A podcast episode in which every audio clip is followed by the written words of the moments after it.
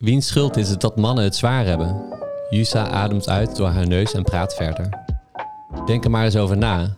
Zonder het zich te realiseren worden ze vanaf het moment dat ze geboren zijn op een voetstuk geplaatst. Hun moeders doen alles voor hen. Hun wordt bijgebracht dat ze beter zijn dan vrouwen omdat ze een pik hebben en dat vrouwen gemaakt zijn om seks mee te hebben. Zodra ze een stap in de maatschappij zetten, worden ze omringd door naakte vrouwenlichamen en zitten ze in een systeem waarin alles om hen en hun pik draait. Een wereld waarin de vrouw al het werk doet. Uiteindelijk geven ze de schuld voor al hun leed, voor het feit dat ze niet populair bij de vrouwen zijn, geen geld of geen werk hebben, dat ze geen stap vooruit komen in het leven, aan vrouwen. Dus wie denk je dat verantwoordelijk is voor minstens de helft van al vrouwenleed? Hoe kunnen mannen en vrouwen elkaar dan nooit begrijpen? Dat is toch structureel onmogelijk? Hey uh, Laurens, een beetje, beetje verkouden? Je, klinkt wat anders vandaag. Ja, ja, klopt ja. Nee, uh, normaliter spreek ik het citaat in, maar dat heb ik dit keer overgelaten aan een derde partij. want, en dit is heel tof natuurlijk, we zijn met z'n drieën vandaag. en voor het eerst hebben we dus in deze podcast een gast. En niet zomaar iemand, maar Maarten Liebrechts. Welkom Maarten, te gek dat je er bent. Nou, dankjewel, leuk om er te zijn. ja, toch? Ja, ja dus voor ons uh, ook een, uh, dus een, uh, ja, een eerste keer met een, met een gast. Um, en voordat ik dieper zeg maar, op je inga, ga ik eerst eventjes, wil ik eerst even terugkeren naar dat citaat wat je net hebt voorgedragen. Um, die, die, vrouw die je daar los hoort gaan hè, tegen haar vriendin Natsuko, die heeft dus heel duidelijk een appel te schillen met het soort waar wij alle drie toe behoren, namelijk mannen. Uh, ja, dus wees gerust. Het is slechts een van de vele uh, invalshoeken die uh, deze door en door feministische roman opdist. Want, zoals beloofd, we gaan het niet alleen maar over hel en verdoemenis hebben in deze podcast. Um, gelukkig laat de schrijfster van deze omvangrijke roman veel ruimte voor nuance en gedachte-experimenten. Al doet de iets wat plastische titel, borsten en eitjes, misschien anders vermoeden. Uh, zoals gezegd uh, is ze een reizende ster in het land van de reizende zon en is dit het boek dat haar wereldwijde doorbraak betekende. Ze schrijft, ze dicht, ze zingt, ze is een feministisch rolmodel uh, en op die aanduiding feministisch komen we later nog terug. En ze heeft met haar romans nu al een stempel op de Japanse samenleving gedrukt. Ze is Mieko Kawakami.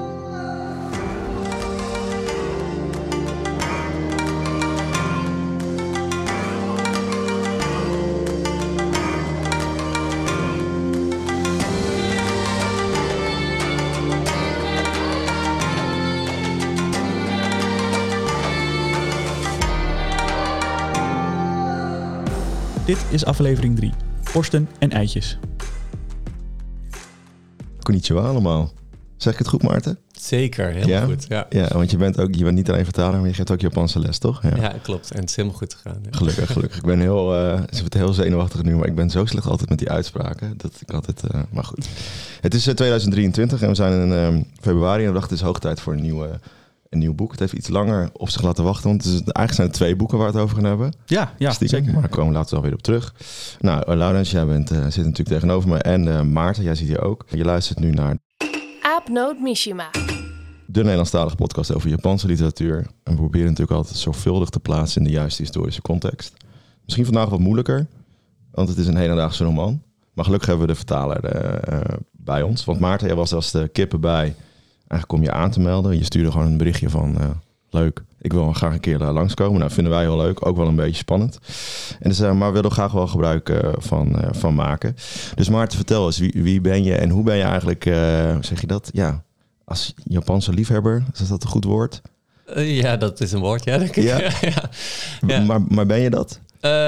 ja, ik heb wel wat met Japan, ja. Ja, ik heb... Um, um, Japans gestudeerd uh, aan de Universiteit in Leiden. En ik ben dat gaan studeren omdat ik wel echt een liefde had voor, in ieder geval voor de taal. Dus mm -hmm. ik vind het altijd een heel moeilijke vraag om te antwoorden. Maar ik had wel echt iets met Japan en met de, nou ja, met de taal vooral. Ik was er nog nooit geweest, maar... Uh, en met Japanse literatuur dan? Dat is natuurlijk net, net iets nicher, denk ik. Ja, ja, nou, ik had tijdens mijn studie ook uh, colleges over literatuur. En toen ben ik wel ermee in aanraking gekomen. Um, en ik ben nou ja, mijn eerste literatuur die ik in Japans las was Murakami. En toen was ik echt heel erg Murakami-fan en verkocht.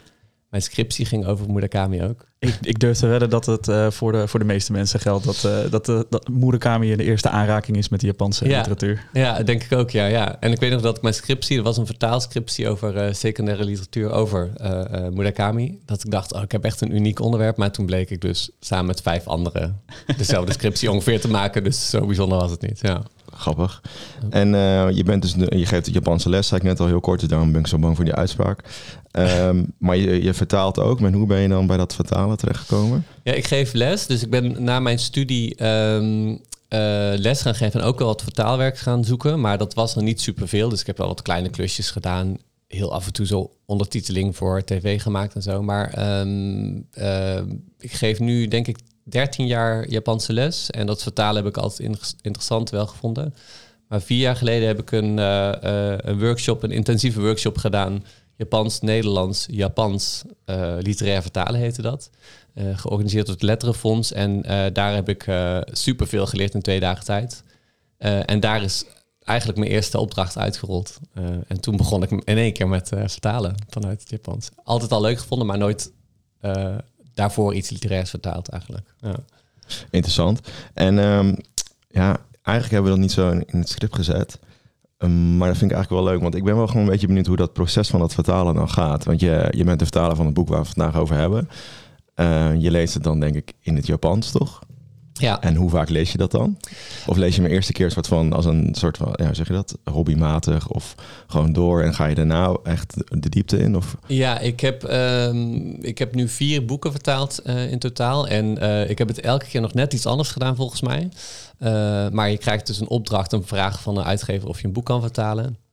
Um, en met het eerste boek dat ik heb vertaald, voordat de koffie koud wordt, heb ik um, volgens mij elke keer ging ik een stuk lezen en dat dan meteen zo een ruwe vertaling uh, in mijn computer zetten. Maar die ruwe vertaling was echt nog super onleesbaar. Dat was gewoon zorgen dat ik alle details erin had, zodat ik gewoon wist dat alles klopte. Um, en, um, maar de vorige keer heb ik bijvoorbeeld wel het hele boek doorgewerkt, maar tijdens de eerste keer lezen schrijf ik wel meteen overal aantekeningen bij. Ja. Omdat als je een idee krijgt of je net een woord even niet helemaal precies weet te vertalen, dan wil ik dat meteen opzoeken. Want anders lees je, je kunt er overheen lezen, maar dat is, ja, ik kan dat niet zo goed. Ik wil gewoon meteen weten wat er precies staat. Ja. En daarna is het heel vaak herschrijven. Dus van een heel ruwe versie die nog totaal niet leesbaar is, naar proberen al redelijk leesbaar uh, te maken. En daarna nog, uh, ja, nog twee of drie keer eroverheen gaan. Ja, ja, ja. Echt bijpunten en dan. Uh... Ja, dan zit je echt op punten en komma's en, uh, en wo woorden. Ja, ja, ja, ja. En dan gaat hij dus inderdaad, gaat ze nog, gaan er andere mensen naar kijken. En dat is ook altijd heel fijn vinden. Want dan zien zij nog dingen bij jezelf.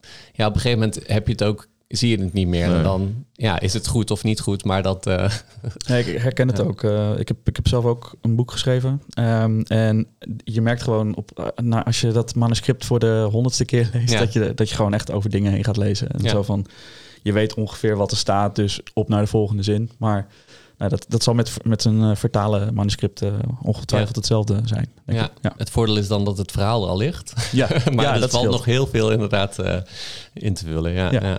En heb je dan ook contact met de schrijver? Over als je ergens over twijfelt bijvoorbeeld? Of, uh... Um, ik heb met uh, Mirko Kawakami geen contact gehad tijdens het vertalen, omdat ik daar ook niet per se een, uh, een vraag had um, die beantwoord, beantwoord moest worden. Maar bij uh, Kitchen van, um, van Banana Yoshimoto heb ik wel twee keer contact gehad, omdat er uh, sommige dingen worden niet uh, staan onduidelijk in het Japans, waar wij wel het zeg maar explicieter moeten maken in het Nederlands. Waar je keuzes moet maken. Bijvoorbeeld enkelvoud en meervoud bestaat niet in het Japans, waardoor mm -hmm. je dus niet weet. Nou, in het geval van Kitchen stond er ster of sterren. En ja, ik wilde wel weten. Ik wilde niet zelf gaan gokken wat het dan was. Dus dat heb ik dan een paar van natuurlijk kleine vragen heb ik wel gesteld. Ja. En, en grijp je dan ook terug op andere vertalingen in het Engels bijvoorbeeld? Ja, ja ik, uh, het voordeel is dat als er inderdaad al een vertaling is in een andere taal. Uh, ik heb bij de laatste vertaling af en toe het Engels en ook de Duitse vertaling die al bestond. Dan denk ik soms, oh ja, ik twijfel nu, zal ik dit of dit kiezen? Of hoe, hoe is dit precies bedoeld?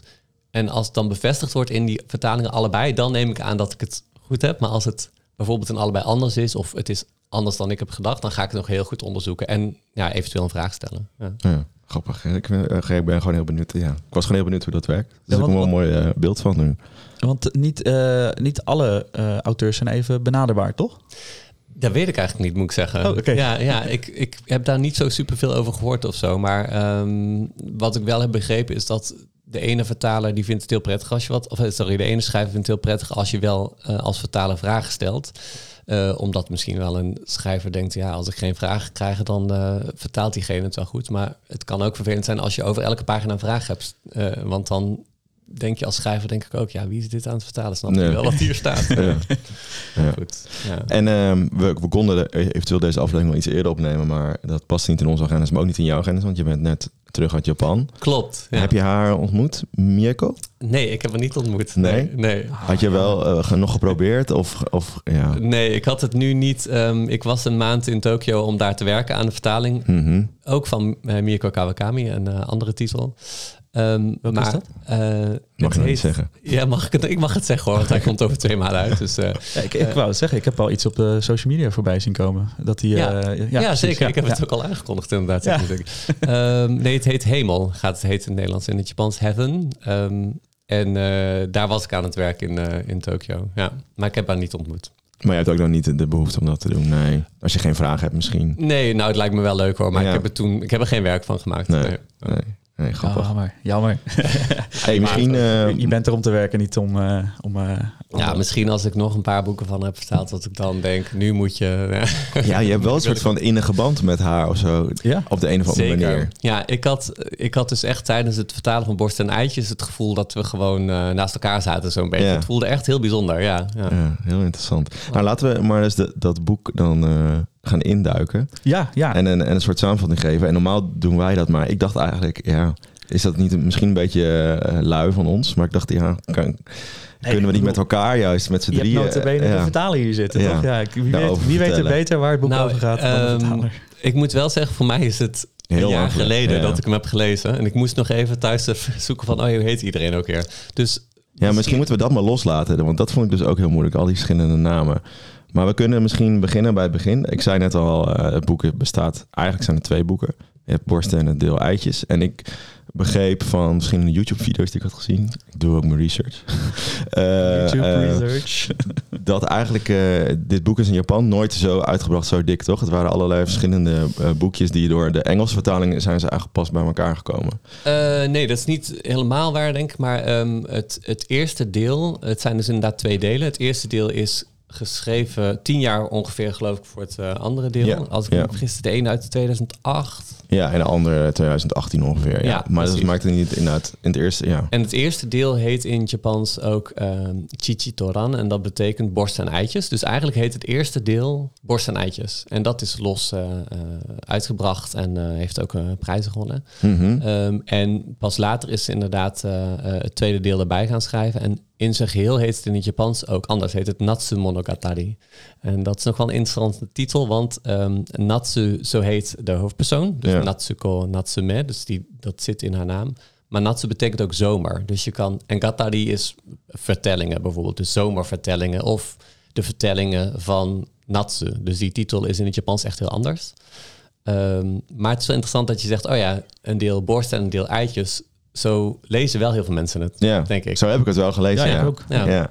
Maar en dat, eh, dat die zomervertelling ook, want dat, dat is een van de dingen die mij zo is bezig. Want het is heet het bloedwarm in, die, eh, in, in het boek. En ik kan er gewoon niet zo goed tegen. Dus dan zit ik even te denken van, oh, wat moet het daar vreselijk zijn. Maar misschien eh, laten we gewoon beginnen bij het begin dan. Bij het eerste gedeelte. En dan, jij zei net al, het hoofdpersonage, eh, Natsu, is 30 jaar ongeveer. Wel graag Ja. schrijver worden is het nog niet. Ehm, en eigenlijk wordt ze bezocht door haar zus ehm, met haar nichtje. Eh, en haar zus komt eigenlijk alleen maar naar Tokio toe vanuit eh, Osaka, volgens mij uit mijn Ja. hoofd.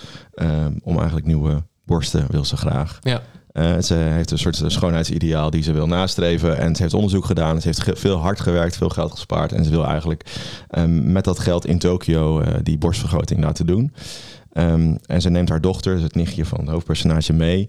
Ehm, en daar weet je eigenlijk niet zo heel van, eh, veel van. In het begin vond ik best een lastig personage om te doorgronden. Ook omdat ze dus niks zei, letterlijk, tegen haar ouder, tegen haar moeder niet. En dat je dus af en toe wat, denk wat dagboekfragmenten eigenlijk eh, eh, las. En die ging heel erg over vrouw worden. Want ze is volgens mij 12. 12, ja. Ja, 12 op, op dat moment. Eh, en je leest gewoon hoe haar lichaam zich ontwikkelt en hoe zij eigenlijk daar tegen, eh, tegenop kijkt. En daardoorheen gaat dan nog het verhaal van Natsu, die vrouw is, eh 30 jaar en graag schrijver wil worden. En volgens mij een beetje de ballen ook hoog wil houden tussen eh, haar nichtje, waar, die ze veel, ja, waar ze veel om geeft, en haar zus, die eigenlijk een beetje ook een losbandig leven daar leidt. Zeg ik het zo goed? Zijn er nog andere dingen die, eh, die ik daarop kan aanvullen? Eh, nee, ja, Maarten? Nou ja, ik denk ook dat dan een thema eh, armoede is. Dat ze dat Ja. eigenlijk, dat is ook de opening natuurlijk van eh, eh, ehm, ja, dat ze uit een arm gezin komen. Eh, dus dat is wel wat je beschrijft. Ze heeft geld gespaard inderdaad voor die borstvergroting. Volgens mij is Natsu zelf ook vergeten dat die zus daarvoor kwam. Dat ze Ja. komt, oh ja, daar kwam ze voor. Dat wordt ze zo van door overvallen. Maar dat is, het gaat inderdaad over die band tussen die zussen en dat nichtje daarbij. Ja. Ja, ja en je, en je, ehm, je, je hebt vooral, je krijgt vooral een beeld door hun dat ze dus continu met elkaar converseren, dus een gesprek hebben. En dat komt in het tweede deel ook eh, naar voren. En nou, het tweede deel is eigenlijk tien jaar later. En dan is het weer zomer, weer heel warm. En is Natsu schrijver geworden, heeft ze eh, eh, nou, in ieder geval dingen uitgebracht. En is ze daar gewoon, kan ze volgens mij haar, soort van daar maar mee haarzelf mee voorzien. Of hoe zeg je dat? Ja, Ze, is, ze is juist ook wel heel erg aan het worstelen natuurlijk met een nieuw boek Ja. dat ze wil gaan eh, uitbrengen. Omdat ze wel iets heeft. Ze heeft nog niet echt het succes dat ze heeft. En ze is vooral ehm, voor tijdschriften andere eh, kleine dingen aan het schrijven om daarvan te leven. Inderdaad. Ja, ja, klopt. Maar ze leeft wel van de schrijven en daar is ze ook wel weer trots op, toch? Ja, ja. dat lees je er wel, wel doorheen. En eigenlijk omringt ze zich dan met allerlei verschillende soorten vrouwen. Toch? Er zijn weinig mannen in, eh, in, in het verhaal. Ja. En die vrouwen hebben ook allemaal weer een soort van andere leven of een andere rol. Sommigen zijn eh, wat rijker. De ander is een soort collega slash eh, leider. Nou, het is een, hoe noem je dat? Een, een, eh, iemand die bij, de, uit- bij een redacteur, die bij de redacteur van haar en inderdaad andere schrijfster en Ja. vriendinnen van vroeger, geloof ik. Ja, vriendinnen van vroeger, ja. En daar kijkt ze soms tegenop, maar soms ook weer met... Nou, ze heeft daar gewoon allemaal verschillende relaties mee. En eigenlijk doordat ze daar heet mee in gesprek gaat... eh, leer je ook steeds meer over, over Natsu. En dan leer je ook steeds meer over de wens die ze heeft... dus om een kind te krijgen.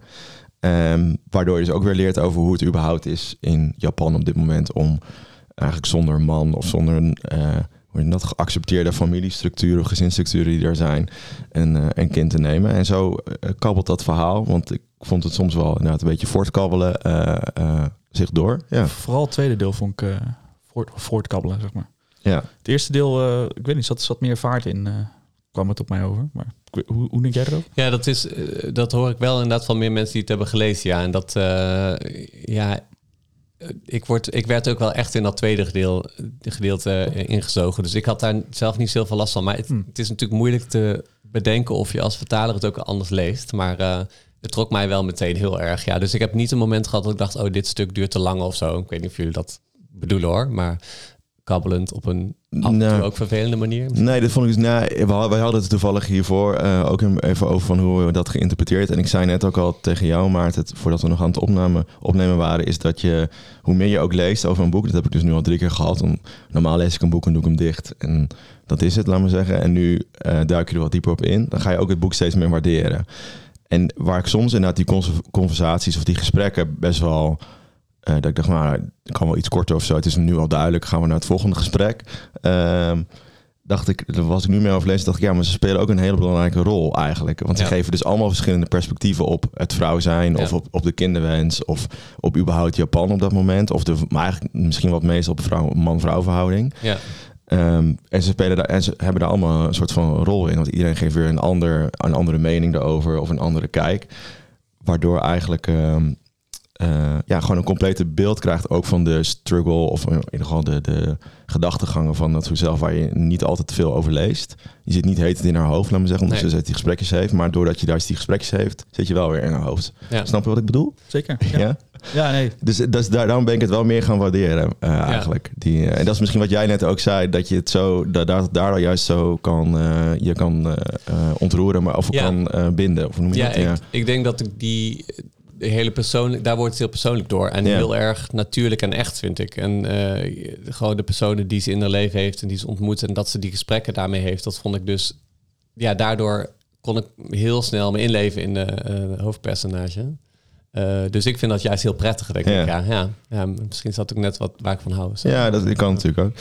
Ze ontmoet volgens mij, ja, eigenlijk ontmoet ze twee mannen, maar ik denk één man wel in het bijzonder. Ehm, ik ben even zijn naam kwijt, of ik weet niet hoe zo goed zijn naam, maar hij is eigenlijk op zoek naar zijn donorvader. En volgens mij spreek je het uit als Aizewa. Ja, Aizawa volgens mij. Hè? Ja. ja, sorry dat ik dit gewoon niet ook paraat Ja. Maar Ja, dat maakt niet uit, Jun? Aizawa, geloof Ja. ik. Ja, Ja, Aizawa. Ja. ja. oké. En dat vind ik ook wel, want je merkt toch al zit een soort, ja, hoe zeg je dat? Zit er nou een soort spanning tussen hun? Ja. Of, ja. Maar het is niet per se seksueel, want ze geeft heel vaak aan dat zij Ja. daar geen verlangers naar heeft. Nee. In het boek en in, in die gesprekken met andere vrouwen bijvoorbeeld. Maar er zit wel een soort sparkle, of weet ik veel hoe je het wil noemen. Ik vind het een vreselijk woord. Maar Ja, Dus ze, wordt ook verliefd op hem. ja, dat, dat, ja, maar toch, ja, ze kapt het ook weer snel af, toch? Eh, nou, er wordt op een gegeven moment wel duidelijk dat ze hem echt wel heel leuk vindt. Ja. Ja. Dat, daar, dat het meer, ehm, maar ja, uiteindelijk, eh, ehm, ze durft daar misschien ook niet snel aan toe te geven of zo, denk ik, toch? Ja. Nee, volgens mij zit er op een gegeven moment inderdaad richting het einde van het boek. Dan zegt ze, ik, inderdaad, ik ben verliefd op je, maar ik wil er niks mee doen. Volgens mij is dat een beetje de strekking, toch? Van ik wil er niet, en niet het eh, handen en voeten geven, Ja. of hoe je het ook wil zeggen. En dat vond ik ook wel weer wel interessant. Nou, wel handen en voeten uiteindelijk, toch? Ja.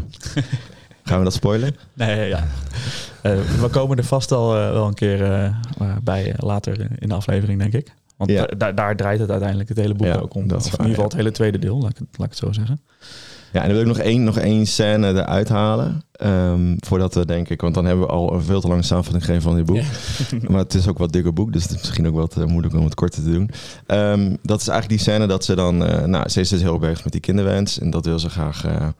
ja, daar wil ze graag iets, iets mee doen. Dus ze ze stuurt ook mailtjes naar een soort van sperma-donoren online... die Ja. zich aan, aanbieden. Nou, ze meldt zich bijvoorbeeld aan bij een van de donorbank in Denemarken. Ik vond dat heel grappig, omdat ik dacht... hoe verzin je het dan om dat in Denemarken te doen? Maar het heeft waarschijnlijk te maken... Tenminste, volgens mij omdat het dan daar het makkelijkst was. En Ja, volgens mij is dat echt zo ook. het is ook echt Ja. zo, toch? Ja, ik heb het nog even opgezocht. Maar ik dacht, zou het dan zijn omdat dat een soort ideaalbeeld is eh, van een land of zo? Dat is, kan, wij kijken natuurlijk ook erg op naar Nee, Scandinavië. volgens mij zijn dat echte feiten. Volgens Ja. mij is dat eh, het land waar je ja, volgens zijn. mij, ja. volgens mij ook. Ja, maar ik vond dat gewoon heel grappig. Eh, maar ze stuurt ook gewoon mailtjes naar Japanners, laten we zeggen Japanse mannen die zich online aanbieden als spermadonor. En op een gegeven moment eh, krijgt ze een mailtje van, van zo iemand die reageert. En heeft ze daar eigenlijk een, volgens mij maandenlang een soort van mailconversatie mee. Tot ze beslissen allebei om af te spreken in een soort restaurant. Ja, dat was echt, ik vond dat gewoon, dat vond ik echt heel grappig, dat stuk. Ja? Ik weet niet hoe jullie dat hebben ge- geïnterpreteerd, maar gewoon Ja, die man. het ehm, het tweede deel heet natuurlijk eitjes. En, en het eerste deel gaat ook al best wel veel. Als we nu terug gaan dat nichtje over, die, over, over sperma. Er zit nog een volgens mij iets in dat zij. eh, dat ze in haar dagboek schrijft dat ze eerder iets wist over sperma dan over haar, laten we zeggen, over Ja. eigen menstruatie. Ja. Dacht ik, dit is, dat klopte volgens mij helemaal. Dat was kwam een beetje, dat dat was echt een raak stukje. Eh, maar in die of die ontmoeting met die spermadonor gaat het eigenlijk ook alleen maar over sperma. En dat is gewoon heel grappig, want hij is dan heel trots op zijn sperma en vooral op de kwaliteit van zijn sperma. Ja, maar ja. hoe hij dat dan uitlegt en wat er dan allemaal gebeurt. En vooral hoe zij dat dan soort van ook wel best wel plastisch soms beschrijft. Van hij heeft allemaal onderzoeken bij zich van de laatste, met de laatste data van zijn, eh, van zijn sperma hoeveelheid en hoeveel zwemmers hij wel niet heeft. En Ja, en dat hij het kan zien bewegen in zijn hand en zo. Ja. Nee, ja, ik vond dat stuk dus heel... Ik vond dat walgelijk. Ja. Ik vond dat echt heel... eh, ik vond het dus een heel zwaar hoofdstuk om te vertalen. Omdat nou, als je het vertalen bent, dan lees je heel langzaam door zijn hoofdstuk. Want je moet elke zin natuurlijk omzetten en er Ja. heel lang over nadenken. En ik vond hem vooral echt ja, heel... Ik, ik, ik zag haar daar zitten met zo'n vieze man die dan heel onveilig voor haar, weet je wel, Ja. dat ze daar zit. En ik hoor inderdaad van mensen zeggen, oh, ik vond het echt een grappig hoofdstuk. Ik vond het dus echt super verdrietig en, eh, en heel heftig. Ja. Maar eh, ja, ik, ja, ik, inderdaad, dat- ik snap dat helemaal. Maar Ja. het was meer misschien inderdaad dat het zo walgelijk was. het is bizar natuurlijk. bizar, ook. Ja, het ja. is heel bizar. Ja, Het is bijna een soort slapstick. Ja, Ja, ja. ja. Ja, Ja. ik weet niet. Hoe heb jij dat ervaren, Laurens? Ja, eh, ik vond het ook hilarisch. Maar tegelijkertijd wat je zegt, het is, het is intens treurig dat het nodig is. Zeg Mm. maar. Want wij hier in het liberale Nederland zijn gewend dat je gewoon naar de spermabank kunt gaan. Eh, eh, maar ja, eh, dit, eh, ik, ik vond het ergens ook een klein beetje als bijna slapstick achteraan doen, zeg maar. Gewoon dat, dat, Ja, dat, tuurlijk, er ja. echt een karikatuur van gemaakt. Ehm, maar ja, het zal ongetwijfeld zo ook wel echt gaan eh, in, in Japan. Ja, zulke mensen zullen er vast zijn. Ja, ja, Ja, zoals ja. die man. Ja. Ja, ik dat had, ik dat zag het gewoon helemaal zo voor me. Ik had een soort van camera standpunt dat ik dan gewoon boven die tafel hing. Dan zeg dat je ze allebei zo zag. En ik zag die man elke keer met die papieren zo. En ik denk niet dat het gewoon zo... Ik weet niet, ik vond het gewoon... eh, dat maakte het inderdaad walgelijk. Dat, dat was het zeker. Want het was gewoon echt een walgelijke figuur. En dat wist je ook meteen eigenlijk bij de eerste seconde. Ja. Of de eerste zin die, die over die ontmoeting gaat. Eh, maar daar misschien daardoor ook wel weer wat, eh, eh, zeg je dat? Wat, wat grappiger of zo, ja. Ja. Laurens, heb jij nog iets toe, toe te voegen aan deze samenvatting? Of wil je, we gaan we toch het einde spoilen? Nou ja, dat moeten we even, even bepalen. Ik, ik, Normaal Ja. doen we dat wel, eh, maar dan hebben we de vorige boeken waren wat klassiekers eigenlijk. Ja. En dit is nog een hedendaags boek. Ja, ja, klassiekers kun je wat mij betreft wel spoilen inderdaad. Maar misschien moeten we het... Ja, weet je, er, wordt toegewerkt, zeker in het tweede deel, naar een bepaalde climax. Eh, eh, laten we het daar maar dan even bij houden. Ehm, ik denk dat het vrij duidelijk is. Ik Ja, ben wat- niet van het spoilen, dus ik zou Nee, het gewoon lekker daarbij laten. Precies, ja. Nee, helemaal goed. Dan, eh, dan eh, doen we dat lekker niet. Ehm nou ja, heb ik wat toe te voegen aan deze samenvatting? Nou, volgens mij was die hartstikke groot en rond. Dus eh, we kunnen volgens mij gewoon door. Ja, laten we lekker naar de break gaan en dan eh, gaan we straks verder in op de, op de deep dive, noemen we dat altijd.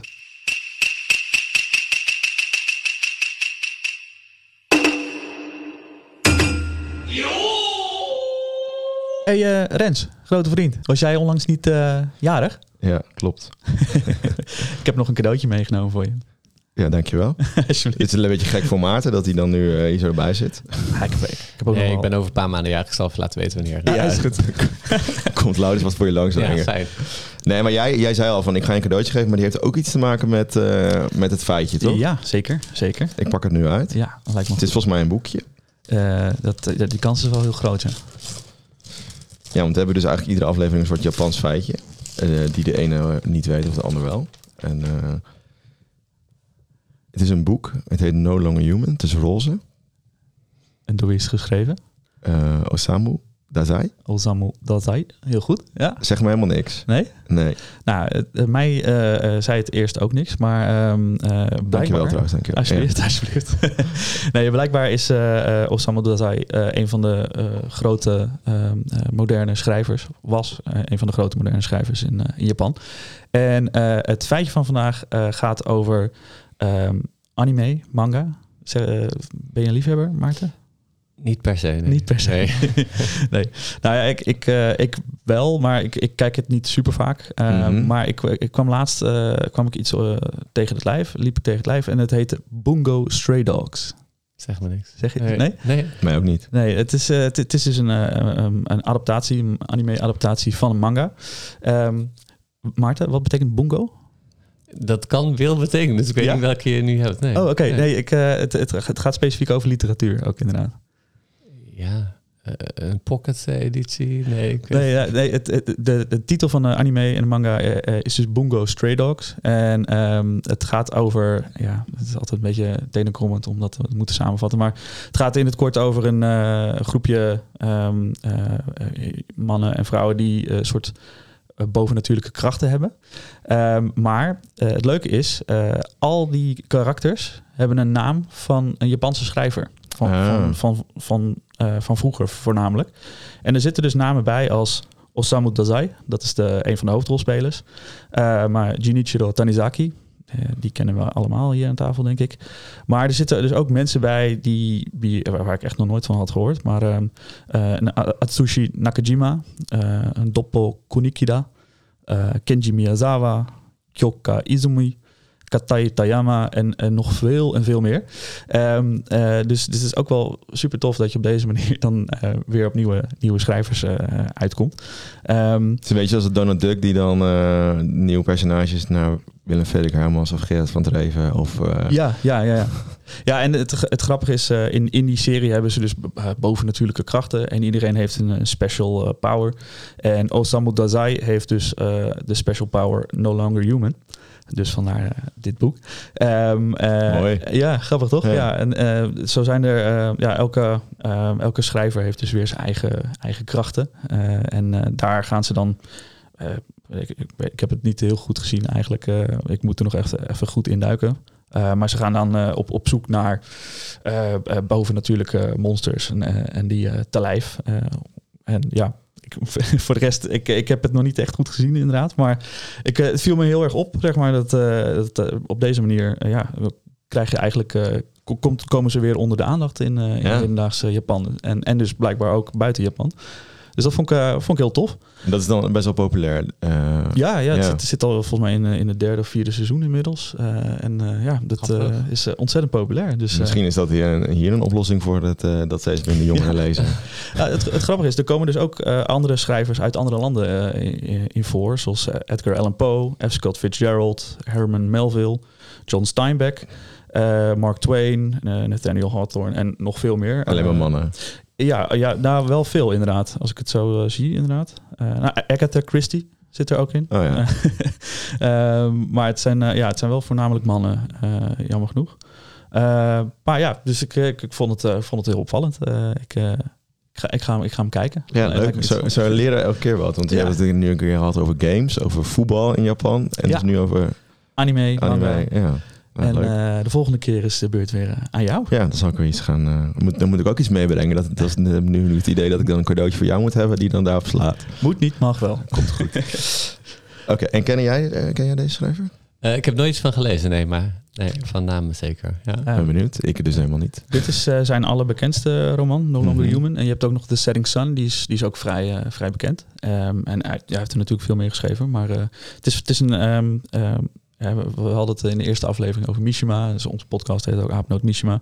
Mishima is op een vrij flamboyante manier... Uh, uh, ja, heeft hij zijn, zijn leven yeah. ontnomen. En dat is eigenlijk voor Osamu Dazai hetzelfde. Um, hij heeft meerdere zelfmoord- of zelfdodingspogingen gedaan. En um, de laatste die was dus wel succesvol. En is hij samen met, met zijn partner, um, volgens mij zijn maîtresse als ik het goed had... Um, het water ingelopen en zijn ze samen verdronken. Dus uh, heel uh, cheery stuff uh, ja. allemaal. Deze roman. Ik weet niet of dat terugkomt in die anime. ja, Want nou, hij is nu ja, no longer human. Ja, klopt. Maar wat het grappige is, um, die, of ja, grappig, ik, ik, weet niet of je het grappig moet noemen, maar um, de hoofdrolspeler Osamu Dazai, die um, zoekt dus ook de hele tijd naar manieren om zichzelf van het leven te beroven. Dus dan zitten ze op een gegeven moment in een cafeetje en dan kijkt hij naar boven en dan zegt hij, oh wat een mooie balk. Misschien kan ik daar daar wel een touw aan hangen. Uh, maar het, uiteindelijk, uiteindelijk, komt het er niet van. Uh, uh, maar hij, ja, hij probeert zichzelf steeds van het leven te beroven, maar wordt daarin gedwarsboomd door, door zijn vrienden. voor, voornamelijk die Doppel Kunikida die hem, uh, die hem dan steeds berispt. Zo van, uh, nee gast, uh, gaan we niet doen. We hebben, we hebben de wereld te redden. Dus, ja. ja. ja, dus, het is, dus er zitten dus ja, fragmenten, flarden van, van echte dingen in. Maar uiteindelijk is, zijn het totaal verschillende figuren, zeg maar. dus, nou, leuk, leuk. En, en, en bedankt voor het cadeau. Ja, graag gedaan. Top. denk nu weer tijd om, om terug te gaan naar het boek. En daar weer verder op in te duiken. En normaal inderdaad in die deep dive dan, of het tweede gedeelte van de podcast, dan uh, uh, nou, hebben we eigenlijk het boek inhoudelijk behandeld. Dan kijken we mee, een beetje meer naar de, naar de impact en naar ons eigen oordeel over het boek. Uh, nou, het is nu een hedendaags boek, dus misschien is die impact wel wat lastiger om nu te zeggen. Ik krijg altijd die, of ik heb altijd de taak, neem ik dan op me om een soort historie van het boek of zo op te zoeken. Nou, dit is, vond ik wat lastiger. Dus ik vroeg ook aan Maarten van, heb je, kan jij niet daar ons bij helpen? Uh, en jij vertelde eigenlijk meteen, ja, in 2008, toen het eerste gedeelte uitkwam, toen was eigenlijk meteen al wel een soort kritiek, toch? Ja, ja, ja ze heeft inderdaad uh, het eerste deel los uitgebracht. Um, um, en uh, nou, ze wordt inderdaad, maar volgens mij gaan we het daar ook nog even hebben, over hebben als feministe beschreven. Ja. Um, maar um, het, het eerste, de novelle, zeg maar, uh, Borst en Eitjes, zoals die in Japan werd uitgebracht, uh, won geloof ik ook meteen uh, best wel een goede prijs. Hè? de Akutagawa-prijs. Ja, ja dat is voor de, ja. je debuut, of de, hoe noem je dat? Eerste, beginnende schrijver. Beginnende schrijver. Ja, maar een hele grote prijs. Dus, dus het heeft zeker wel impact um, gehad. En nou, wat, ik, wat mij heel erg opvalt is dat, en misschien is dat net het literatuurwerk een beetje in zit, is dat er veel vrouwelijke schrijvers op dit moment zijn die ook echt wel kritiek hebben op uh, ja, wat de rol zou moeten zijn van een vrouw in Japan. Ja. Um, en zo was dat inderdaad ook. Uh, maar volgens mij, Lars, heb jij een, uh, ook de, de precieze ja. info, hè? Ja, ik, ik had er een artikel van de New York Times, die volgens mij kwam die eergisteren of zo uit. Ja. jij wees me erop, Rens. Um, ja, ik lees altijd de New York Times, dus dan ben ik altijd op de hoogte, ja. Echt toevallig. De betere man er. van de wereld. Ja. Hè? Nee, dat was echt toevallig. Nee, ehm, eh, ja, toevallig, maar wel, eh, wel mooi getimed dan eh, voor ons. Ehm, en daar eh, in dat artikel staat ook van eh, dat eh, eh, toen, eh, toen het boek uitkwam, eh, in 2008 dus, eh, kreeg het gelijk eh, vrij felle eh, kritiek van eh, onder andere Shintaro Ishihara, een politicus en, en toevallig ook een winnaar van de Akutagawa-prijs. Ehm, en nou, het is nogal een chauvinistische vent. Maar die zei onder andere toen hij als gouverneur in, van Tokio ehm, woonde of werkte, toen zei hij dat, dat het eigenlijk nutteloos is voor vrouwen om door te leven na hun menopauze. Dat is lekker. Ja. Kom er maar in. en daarnaast heeft hij het boek als onplezant en onverdraagbaar weggezet. Dus, uh, nou, ja, het zegt echt best wel veel, denk ik, veel dan over wat ik dan uit dit boek heb geleerd over de Japanse uh, maatschappij op dit moment. Want in, dat tweede gedeelte heeft ze dus contact met verschillende vriendinnen uit allerlei. En dan zit er ook een vriendin die dan vertelt over haar man, die eigenlijk gewoon letterlijk niks doet in het ja. huis. En het enige wat ze af en toe hebben is uh, seks om zich voor te planten. En dat is het eigenlijk. En die ja. man die gaat werken, komt thuis, ligt op de bank en gaat dan weer werken. Ja. En, en dat, dat lees je een beetje heet door in het boek. En dat was ook het citaat volgens mij in het begin van, uh, van de aflevering, die daar ook een beetje op ingaat. En dit uh, is wordt dan het letterlijke bewijs of zo daarvan, toch? Ja, ja goed. En wat, wat ook wel interessant is, um, um, die, um, die Ishihara, um, die, nou, die, die, die gaf, hem, uh, gaf hem van Jetje, zeg maar. Mhm. Mm -hmm. Maar tegelijkertijd zie je nu, um, um, zeker met nominaties bijvoorbeeld voor prijzen, uh, literaire prijzen, zoals die Akutagawa uh, Prize. daar, volgens mij was het vorig jaar of het jaar daarvoor, dat voor het eerst alleen maar vrouwen waren genomineerd. Nou ja. Uh, en dat is als je de cijfers zeg maar, door de jaren op een rijtje zet, dan, dan is dat ook. Dat, er komen steeds meer, steeds meer vrouwen worden genomineerd. Ja. Uh, en dat zegt denk ik ook wel iets over van wat er nu speelt in, uh, in, in, in de Japanse samenleving. maar ook wereldwijd, want het is, het is echt een, een, een knaller. Het, allerlei verkooprecords en zo. Dus blijkbaar, ja, wij, zijn, wij zitten nog steeds in een patriarchale samenleving. En uh, dit slaat heel erg aan bij uh, vooral, vooral de, het vrouwelijke deel van onze bevolking. Maar ook bij mannen, want uh, het is ook gewoon ontzettend goed geschreven. Ja. Wat, ik, wat ik nog wel interessant vond, was toen ik het boek leerde kennen, toen, toen ik de opdracht kreeg, de vraag om het te vertalen. Er staat ook een quote voorop dat uh, Haruki Murakami het adembenemend ja. vindt. En uh, het, het, het, eigenlijk het eerste wat ik van Miyako Kawakami wist... was dat zij heel kritisch was naar Ja. Murakami. Dat Ja. heb je misschien ook al gelezen. Ja. staat ook in dat eh, artikel van de, van de Times dat zij, ehm, eh, eh, zeg maar, eh, Mur- Murakami is vrij schuchter. Eh, die, heeft niet, die heeft het niet zo op eh, veel interviews en dergelijke. ja. Maar ehm, hij had zich wel beschikbaar gesteld voor een reeks interviews met Mieko Kawakami. En, en op een gegeven moment ehm, ja, sprak zij hem aan, zo van waarom zijn al jouw vrouwen eh, van, van karton gemaakt, zeg maar. Waar, ze, ze, ze zijn eigenlijk alleen maar om het plot verder te brengen. Eh, of de plot. En uiteindelijk verder eh, stellen, ze, ja, stelt het helemaal, stellen ze niets voor. Ja. Zeg maar. ze, ze hebben geen eh, persoonlijkheid, geen, ja, ge- geen ronde karakters. Ehm, eh, en dat is, dat is nogal wat om, om zo'n grote Ja. schrijver eh, aan plein publiek eh, daarop aan te spreken. Ja, ja, ik vind het dan dus extra tof. Dat, nou, ik moet zeggen, toen ik dat eh, hoorde, dat zij er zoveel kritiek op had, had ik nog eens een eh, kort verhaal, Drive My Car, van eh Haruki Murakami, ook naar aanleiding van de film nog eens te lezen. En toen dacht ik ook, oh ja, daar zit hier nu echt een, een soort van eh, seksistische zin in die eigenlijk niks toevoegt. En dat had Ja. ik nooit eerder zo gelezen. Maar nu ik weet hoe Mirko Kawakami naar hem kijkt, eh, valt me dat wel extra op. Maar ik vind het dus ook heel tof dat hij oprecht super veel respect voor eh Kawakami heeft. En eh, Ja. haar een fantastische schrijfster vindt. Ja, ja. A- adembenemend staat er eh, Ja, ja. op het voorblad. Ja, hij is heel positief. Ja. Gaaf. En, ehm, maar dat is een vraag voor jullie allebei, denk ik. Want jullie zijn, ehm, nou, jij bent twee keer in Japan geweest en jij misschien wel wat vaker. Maar eh, eh, uitzicht dat ook of zo? Als je, want ik ben dus nog nooit geweest. Ik ben een beetje een leek in deze. Uitzicht dat ook als je daar als toerist of als bezoeker bent? Die verhouding tussen man en vrouw in de openbare ruimte of weet ik veel wat.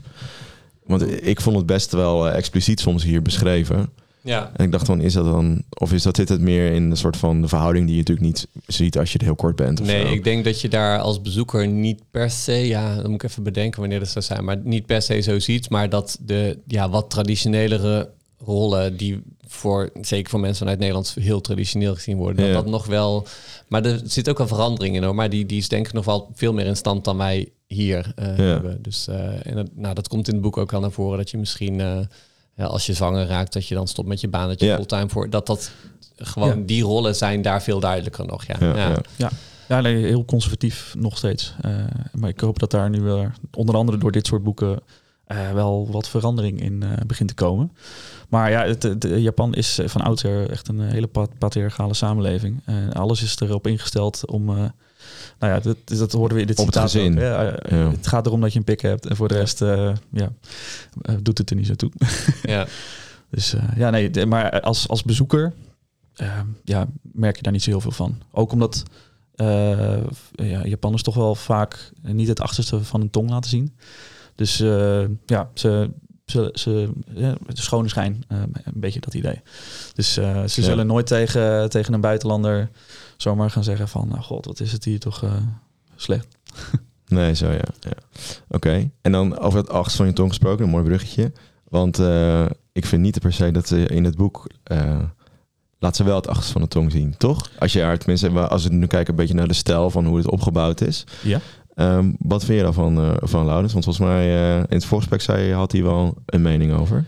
Ja, ja goed. Ik, het, is, eh, laat, ik, laat ik beginnen met het, dat het echt wel goed geschreven is. Ehm, maar ehm, wat ik er een beetje lastig aan vond, is dat er heel veel dialoog in zit.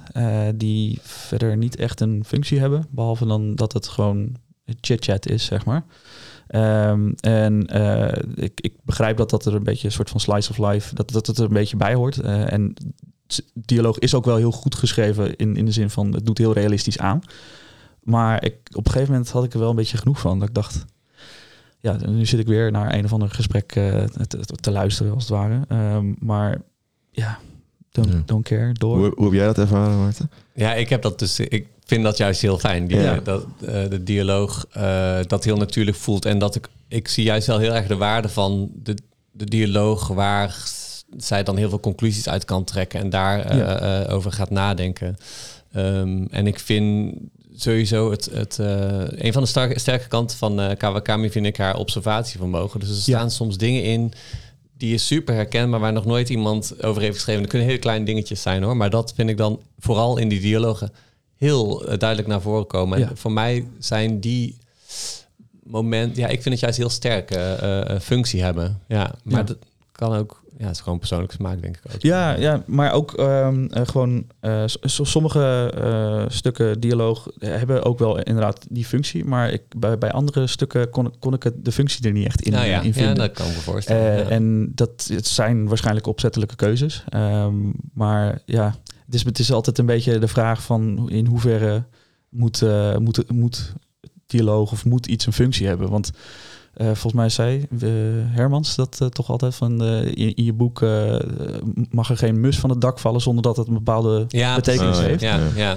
Eh, en nou goed, als je dat een beetje in je achterhoofd hebt, Ja. dan, eh, dan, dan merk je gewoon ja, dat dat, dat ik, hier had ik dat niet overal even duidelijk. Ja. maar. Ja, ik denk dat ik dat, dat is denk ik een persoonlijke voorkeur. Dat ik, Ja. Voor mij hoeft niet alles ingekopt te worden. En ehm, ik, heb, eh, ik hou ook wel van boeken dat je dat er een of ander onderwerp wordt opgegooid dat het helemaal niet ingelost wordt. Dat ik denk, oh ja, dat is wel, maar dat heeft voor mij dan wel een functie, zeg maar. Ja. En dat, maar dat kan me wel voorstellen. En ik hoor wel, er zijn meer mensen die het tweede deel toch best wel lang vinden en daar niet zo goed doorheen komen.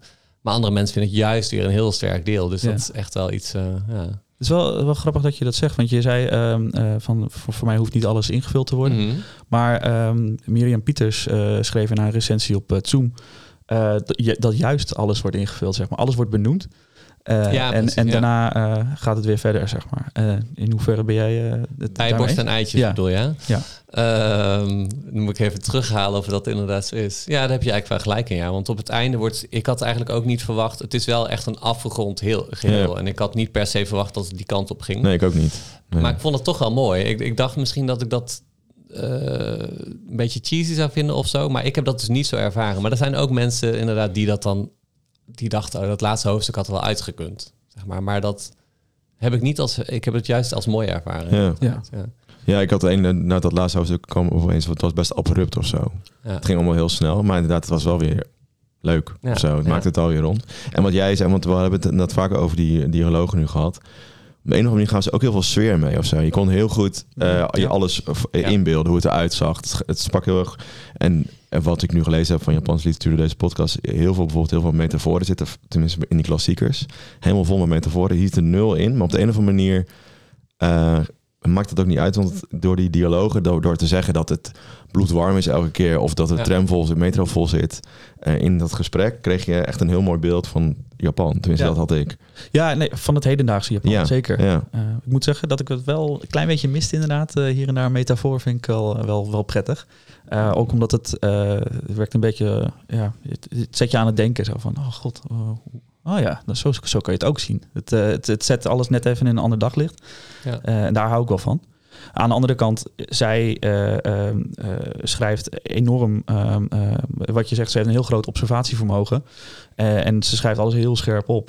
Dus dat, dat, dat, ja, ik kreeg ook wel echt dat, dat mooie gevoel zeg maar, van Osaka, of waar zij vandaan komt. Want zij, zij heeft dit boek ook in eh Dialect. Osaka's Ja. dialect geschreven. Ja, dat was bij dit. eh, ik had hiervoor dus één boek vertaald. En toen kreeg ik meteen deze eh, mooie. Nou, ik vind het fantastisch dat ik deze mocht vertalen. ja. Maar ehm, vooral het eerste gedeelte is vrijwel alles, alle dialoog is ehm, in Osaka-dialect. En eh, dat is niet per se dat ik dat spreek. Zo. Dus Nee. ik moest best wel veel dingen voor opzoeken.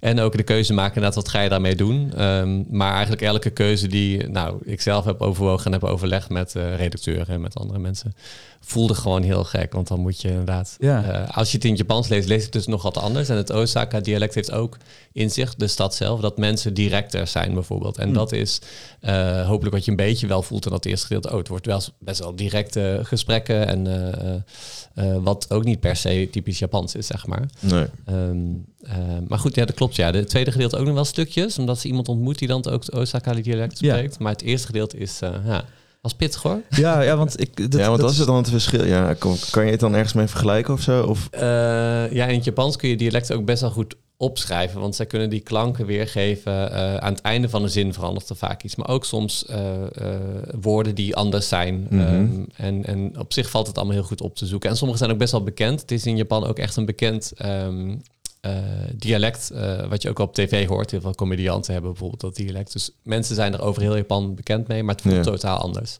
K- Kansai heet het toch? Of zoiets? Ah ja, Ja, Kansai ja. Ben. Je hebt dan binnen de Kansai, dat gedeelte inderdaad is Kyoto en Osaka zo, heb je ook nog Osaka Ben, eh, heet dat. En dat is Osaka dialect. En dat is weer een gedeelte ervan wat dan nog specifieker is. Maar goed, de, het, dat is dus moeilijk. Waar kun je het mee vergelijken? Ik dacht nog, kijk, ik kom uit Brabant. Dus ik dacht, oh, dan kan ik wel Brabant proberen. Maar ja, Ja. hoe schrijf je dat op? Weet je, dat kan gewoon niet. En voor mij voelt Brabant heel anders dan voor jullie Brabant zou Ja. voelen bijvoorbeeld. Dus dat ehm, iemand die eh, uit Rotterdam komt, die denkt misschien, oh, dan moet je het Rotterdams maken. Maar dat is voor iedereen anders. En ik denk in zo'n klein landje als Nederland met alle dialecten die we hebben, dat dat niet zou werken. Dus Nee. vandaar. er zijn hier gewoon te veel dialecten ook, denk ik. Ja, ja. Ja. en, en iedereen heeft een andere associatie Ja, ermee. En ja. dat is in Japan is dat veel duidelijker. Dan weet iedereen, oh, mensen uit Osaka zijn veel directer dan mensen uit Tokio of zo. Weet je wel? Mhm. Dat, eh, ja, of nou ja, nog allerlei andere steden natuurlijk. Ja, dus dat had ook wel echt een soort toegevoegde waarde, die stijl die ze dan kiest dan Ja. voor dat dialect. Ja. En omdat zij daar zelf dus ook vandaan komt, is Ja. het, wordt het ook persoonlijker dan of zo. Ja. Ja. Ja. Ja. Ja, tof. Nou, volgens mij ehm, zijn we ook een beetje denk ik wel toe aan het eindoordeel, toch? Of zijn er nog dingen waarvan we zeggen dat is heel belangrijk om te benoemen, Laurens? Ehm, goeie vraag. Nee, eh, ik, eh, nee, ik denk eigenlijk, we kunnen wel door, denk ik. eh, Zijn, heb jij nog dingen, Maarten, waar je denkt van, nou, dat wil ik heel graag nog kwijt? Ehm, nee, eigenlijk niet. Nee. Nou ja, volgens mij hebben we, we hebben een samenvatting gegeven. We zijn wat in- ingegaan op de thema's, op de schrijfstijl. eh, nou, op de impact. Ja. Zit jij op eh, Goodreads, Maarten, of niet? Zeker. Ja? Ja, ja. Geef je ook sterretjes? Of, of, eh, soms, maar dat vind ik moeilijk. dat? Ja. Ja, ja. We- Hebben jullie dat ook? Ja, ik vind dat dan best wel lastig. Want ik denk, ja, ik kan nu... Ik, als ik iets fantastisch vind, vind ik het vijf sterren meteen. En dan denk ik, lees ik een boek daarna en denk ik, nee, dat vond ik nog beter. Dus ik Hm. doe dat Ja. dan maar gewoon Zes sterren. Nee. Ja, precies. nee ja. maar ik, ik kan me ook voorstellen dat het voor jou vanuit je beroep, zeg maar, ook... eh, omdat je, je, je werkt ook samen met, met uitgeverijen en dergelijke. eh, dat je da- eh, misschien vanuit dat op, op eh, vanuit eh, dat opzicht dat je dan denkt van ik geef gewoon geen sterren. Ja, alleen mijn eigen vertalingen geef ik dan vijf sterren. Ja. Ja, is het allemaal één. Ja. dat- dit, is, helemaal- dit is zo goed vertaald. Ja. Nee, maar ik, ben, ik moet zeggen, ik ben sowieso slecht in het oordeel geven van iets. Ja, dat klinkt misschien heel stom, maar heel veel mensen kunnen heel goed ehm, eh, zeggen: Oh, ik vind dit zo goed. En ik, ik, ik vind het altijd heel persoonlijk. En dan Ja. denk ik: Ja, ik heb het op dit moment in mijn leven gezien, een film of gelezen een boek. En dat voelde toen zo. En met een concert, weet je, wel, kun je de, als ik vandaag naar een concert ga, voelt het anders dan morgen. Dus ik denk altijd: wie ben ik nou om het een uh, waarde te? Ja. Maar ik zet wel netjes op Goodreads wat ik heb gelezen. Ja, Ja. ja, Daar is het ja. ook voor, toch? Ja, het is Ja, gewoon een archief, toch? Ja. ja. Ja, Ja. in fe- In feite wel, inderdaad. Maar ik heb nu dus bijvoorbeeld geen sterretjes gegeven, want we nemen nu een, een podcast op. Oh, Eh, zo, dat wilde ik bewaren tot dan. Oh, zeg maar. ja. Ja, nou, ik ben benieuwd. Ja. Nee, we zijn dus, ehm, maar wij zijn drie mannen en ik ga het dus hier, hierover hebben. En ik merkte dus een beetje in mijn omgeving dat vrouwen het dus een heel goed boek vonden en mannen dus wat minder goed. Dus ik ben Ja. wel heel benieuwd waar wij nu op uitkomen. Nou, Maarten, jij zei eigenlijk al dat het echt, het is, jij vindt het een fantastisch boek. Ik denk dat ik deze wel vijf sterretjes heb gegeven, maar ik vond het echt oprecht. En dat is niet omdat ik het heb vertaald. Echt een heel mooi boek. Ja. En eh, heel persoonlijk. En het greep me ook gewoon meteen. En eh, ik vind haar gewoon heel goed, goed schrijven. En het is denk ik precies de stijl waar ik ook van hou. Ja. Dus, eh, dus wat dat betreft heb ik dus echt heel erg geluk dat dit op mijn pad, op mijn pad is gekomen. Want het ligt me ook heel erg. Ja. Het zat het echt in je sweet spot, zeg maar. eh, Ja. of Echt, echt jouw, jouw ei, het, ehm, het resoneert met jouw eigen smaak. Ja, Ja. ja. Ja, En nou ja, ik heb dus nu net vorige week eh, het manuscript van Hemel ingeleverd. En dat vond ik ook weer zo... eh, het is een heel ander onderwerp hoor, maar het is wel ook super persoonlijk geschreven. En dat, dat, dat grijpt mij gewoon heel erg. Ja. Ja. Ja.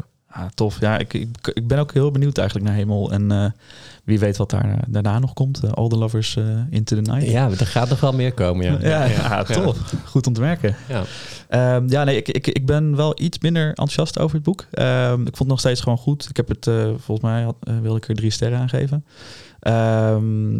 Vaar, ja, zeg maar, deels omdat die dialogen op een gegeven moment dacht ik wel van, nou, eh, hup, door. Eh, en ik ben ook gewoon, eh, dat mijn smaak, ik, ik hou wel van wat dunnere boeken, zeg maar. Dus op een gegeven moment was ik wel een beetje klaar met het boek. Snap ik. Ja. Eh, ik, ik wilde door eigenlijk. Dus, dus waarschijnlijk dat Hemel eh, en, en haar andere boeken, die zijn wat dunner, geloof ik. Ja, Hemel is ongeveer was voor mij ook lekker hoor. Want Ja. het was wel een hele kluif. Ja. Ja. Het, is een, het is een jaarwerk geweest ongeveer. Ja, Nou, begrijpelijk. Ja. Ongelooflijk, ja. ja, en jij Rens?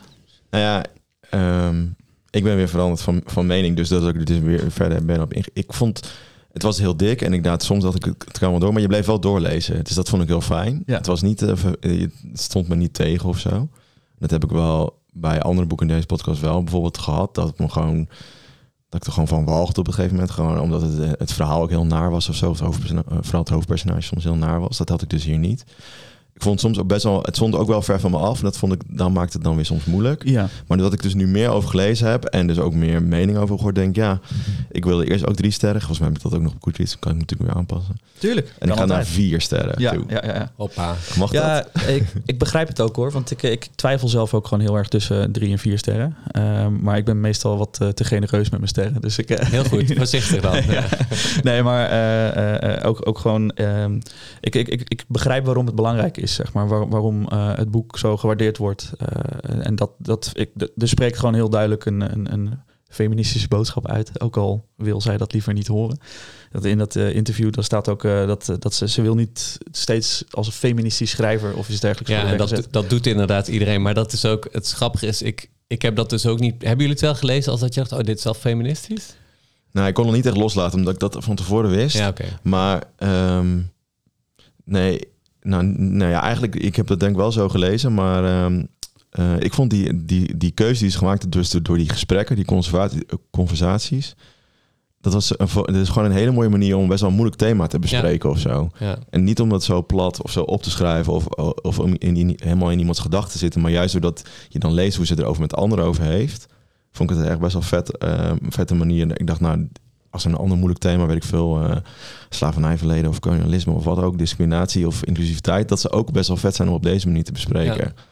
Dat, dat, dat, en dat, heb ik, dat ben ik me eigenlijk pas gaan waarderen een week nadat ik het boek uit had of zo. Ja. Omdat je dan over na gaat denken. Ja. Ja, dus de- ja, maar ik heb het denk ik wel als een soort van feministisch boek gelezen. Maar dat komt denk ik echt door de marketing eromheen. Ja, en ik Ja. kan me ook voorstellen dat Ja. zij bijvoorbeeld in Japan veel meer als feminist ook wordt gezien dan als zij in Nederland was geboren Ja. en had geschreven. Dat dat ook weer natuurlijk een heel ander niveau ja. kan zijn of zo. Ja. Dat, zo zie ik het dan ook. Maar, En ik heb denk ik nog nooit zo'n boek gelezen. Iets vergelijkbaars. Jullie? Iets, iets in een andere taal of zo? Of, ik kan me dat niet herinneren.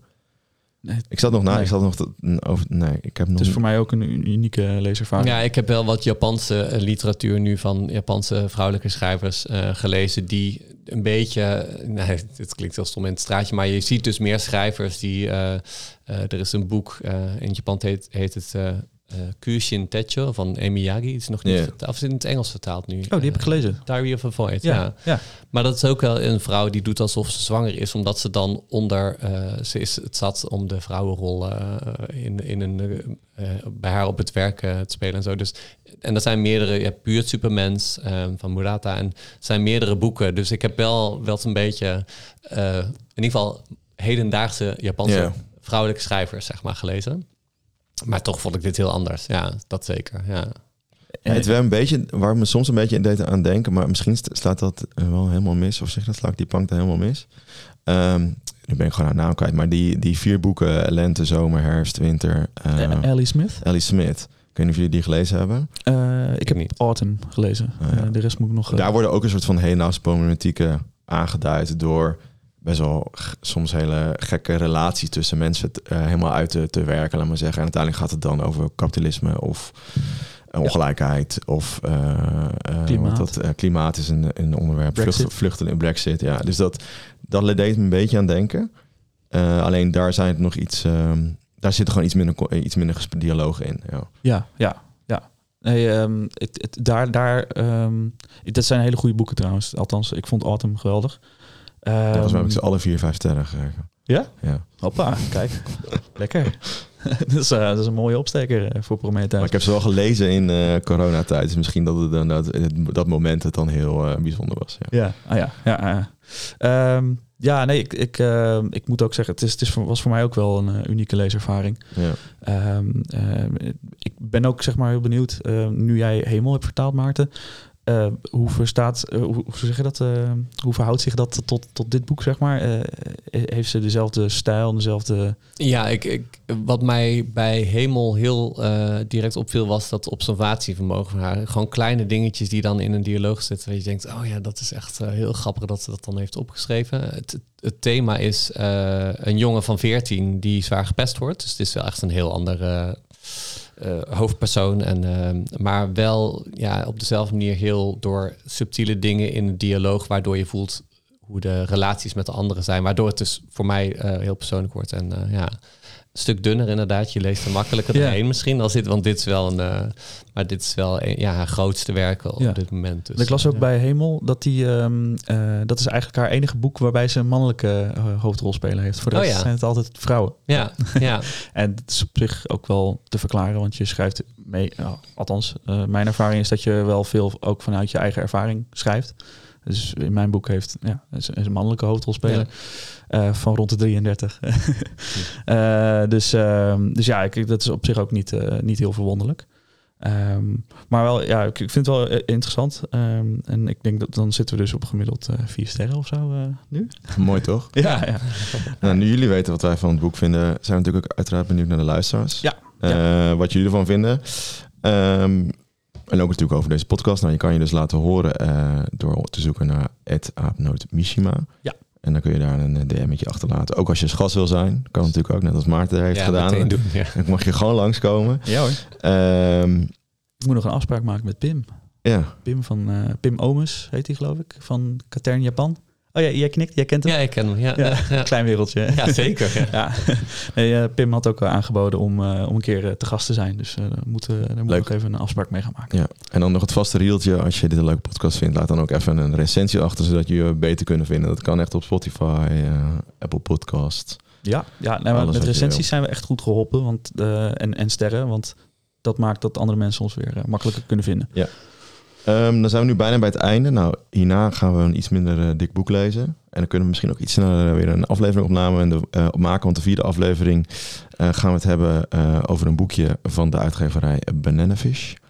Goeie naam, toch? Ja, ik ben heel benieuwd eh, wat dat is. Eh, zij zijn naar eigen zeggen de uitgeverij voor vreemd genoeg onvertaalde literatuur. Het is een heel volgens mij best wel een, eh, zeg je dat, undercover of eh, een niche uitgeverij. Ja, het is volgens mij Om weinig een over te hele, vinden. hele kleine, inderdaad. En, Ja. ehm, ehm, ze, ze, maar ze geven hele mooie boeken uit. Ik weet, ik weet alleen niet, weet je, zijn ze nog actief of, of is het eh, ter ziele inmiddels? Ik weet het niet. Nee, Nee. sorry. Ik weet nog niet. Ik ben nog vrij nieuw in de wereld. Dus eh, ik weet niet alles nog. Nee. Nee, prima, daar komen we snel genoeg achter.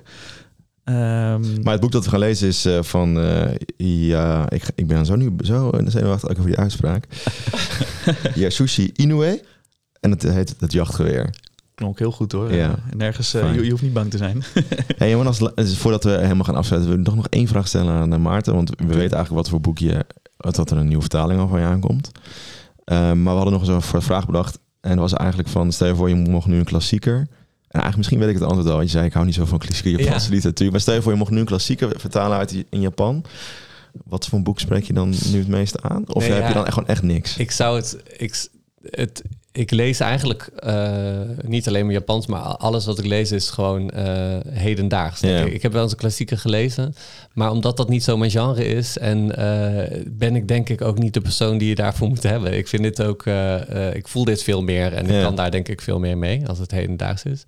Eh, dus nee, ik kan niet zomaar eentje aanwijzen. En is er dan nog een andere, nu op dit moment een schrijver waar je van zou vinden, oh, die zou, daar zou ik graag een boek van willen vertalen? Ehm, ja, dat is heel stom. Ik heb net eentje aangeraden gekregen, maar dan ben ik totaal kwijt wie dat is. Maar Ja. ehm, ik heb dus, eh, die ik net kort noemde, dat Emiyagi, Mhm. Emiyagi met... ehm, ehm, Diary of a Void. Precies, Diary of Void in het Engels, Cushin Techo. Daar heb ik ooit een fragmentvertaling voor gemaakt. En eh, ik ben daarvoor gevraagd om daar een eh, leesrapport voor te maken. Ik heb van uitgeverij. En zij zijn uiteindelijk niet de vertaalrechten gaan aankopen. Maar ik heb dat boek gelezen en ik vond het een heel interessant... eh, en dat ligt me ook wel ergens in het straatje. Dat, dus dat... Ik heb vooral in mijn hoofd... Oh, maar die heb ik al helemaal doorgeweten. Ik heb helemaal in mijn hoofd hoe die in het Nederlands zou Ja, ja, klinken. ja. Ehm, dat lijkt me wel heel erg tof, ja. Dus is dit dan een oproep, ja? Dit, Ja, dit is een oproep, ja. Laat je horen. En hoe, wat zou dan de titel zijn in het Nederland? Eh, Ik had het lege groeiboekje, maar dat was mijn idee hoor. Dan moet je altijd overleggen met de uitgever. Ja, Omdat ook- ehm Cushin Techo, het, is, het verwijst naar het boekje dat je krijgt tijdens je zwangerschap en tijdens de eerste zoveel weken van je kind. Ja, En Diary of a Void is het inderdaad in het Engels geworden, omdat, je, omdat zij doet alsof ze zwanger is.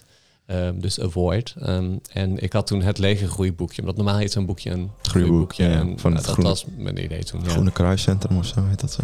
Dat, Toch in Nederland? Zo diep zit ik er ook weer niet. Nee, in. Dat ik ook niet, eh, maar- nee.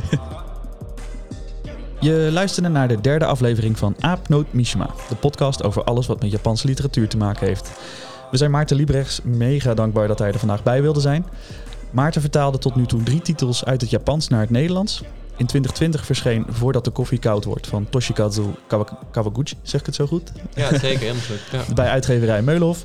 En vorig jaar verscheen eh, eh, Mieko Kawakami's Borsten en Eitjes bij uitgeverij Podium. En Banana Yoshimoto's moderne klassieker Kitchen bij Dasmach. Wil je ze lezen? Bestel ze bij je lokale boekhandel of leen ze bij de bibliotheek. Als ze er al liggen, want dat, daar hadden we het de vorige keer over. eh Duurt altijd even. Duurt altijd even. Het heeft met uitgeverijen te maken die natuurlijk gewoon geld willen verdienen. Wat ook Precies. logisch is. Precies. je kunt Maarten overigens vinden via www.japanseles.utrecht.com. En ook kun je hem volgen op Instagram, @japanseles En op Facebook, eh @japanselesutrecht. Ehm zijn we verder nog iets vergeten, Maarten? Of, eh? Nee, dat zijn al mijn socials geloof ik. Maar ja, inderdaad dat er dus nog een Kawakami aankomt. Hemel die ik ontzettend aanraad ook. Ja, Ja, als je van. Kawakami houdt, is die echt heel mooi. Ja, April was het, geloof ik. Hè? ja in april komt hij uit. Ja, ligt nu eh, bij de pers klaarmaken. Dus er wordt nu naar gekeken. Tof. Spannend. Heel veel zin in. Ja. Eh, en eh, tot slot eh, draag je de culturele sector een warm hart toe. Overweeg dan te doneren om je favoriete instellingen door deze tijden van torenhoge inflatie te loodsen. Matinee, lieve luisteraars.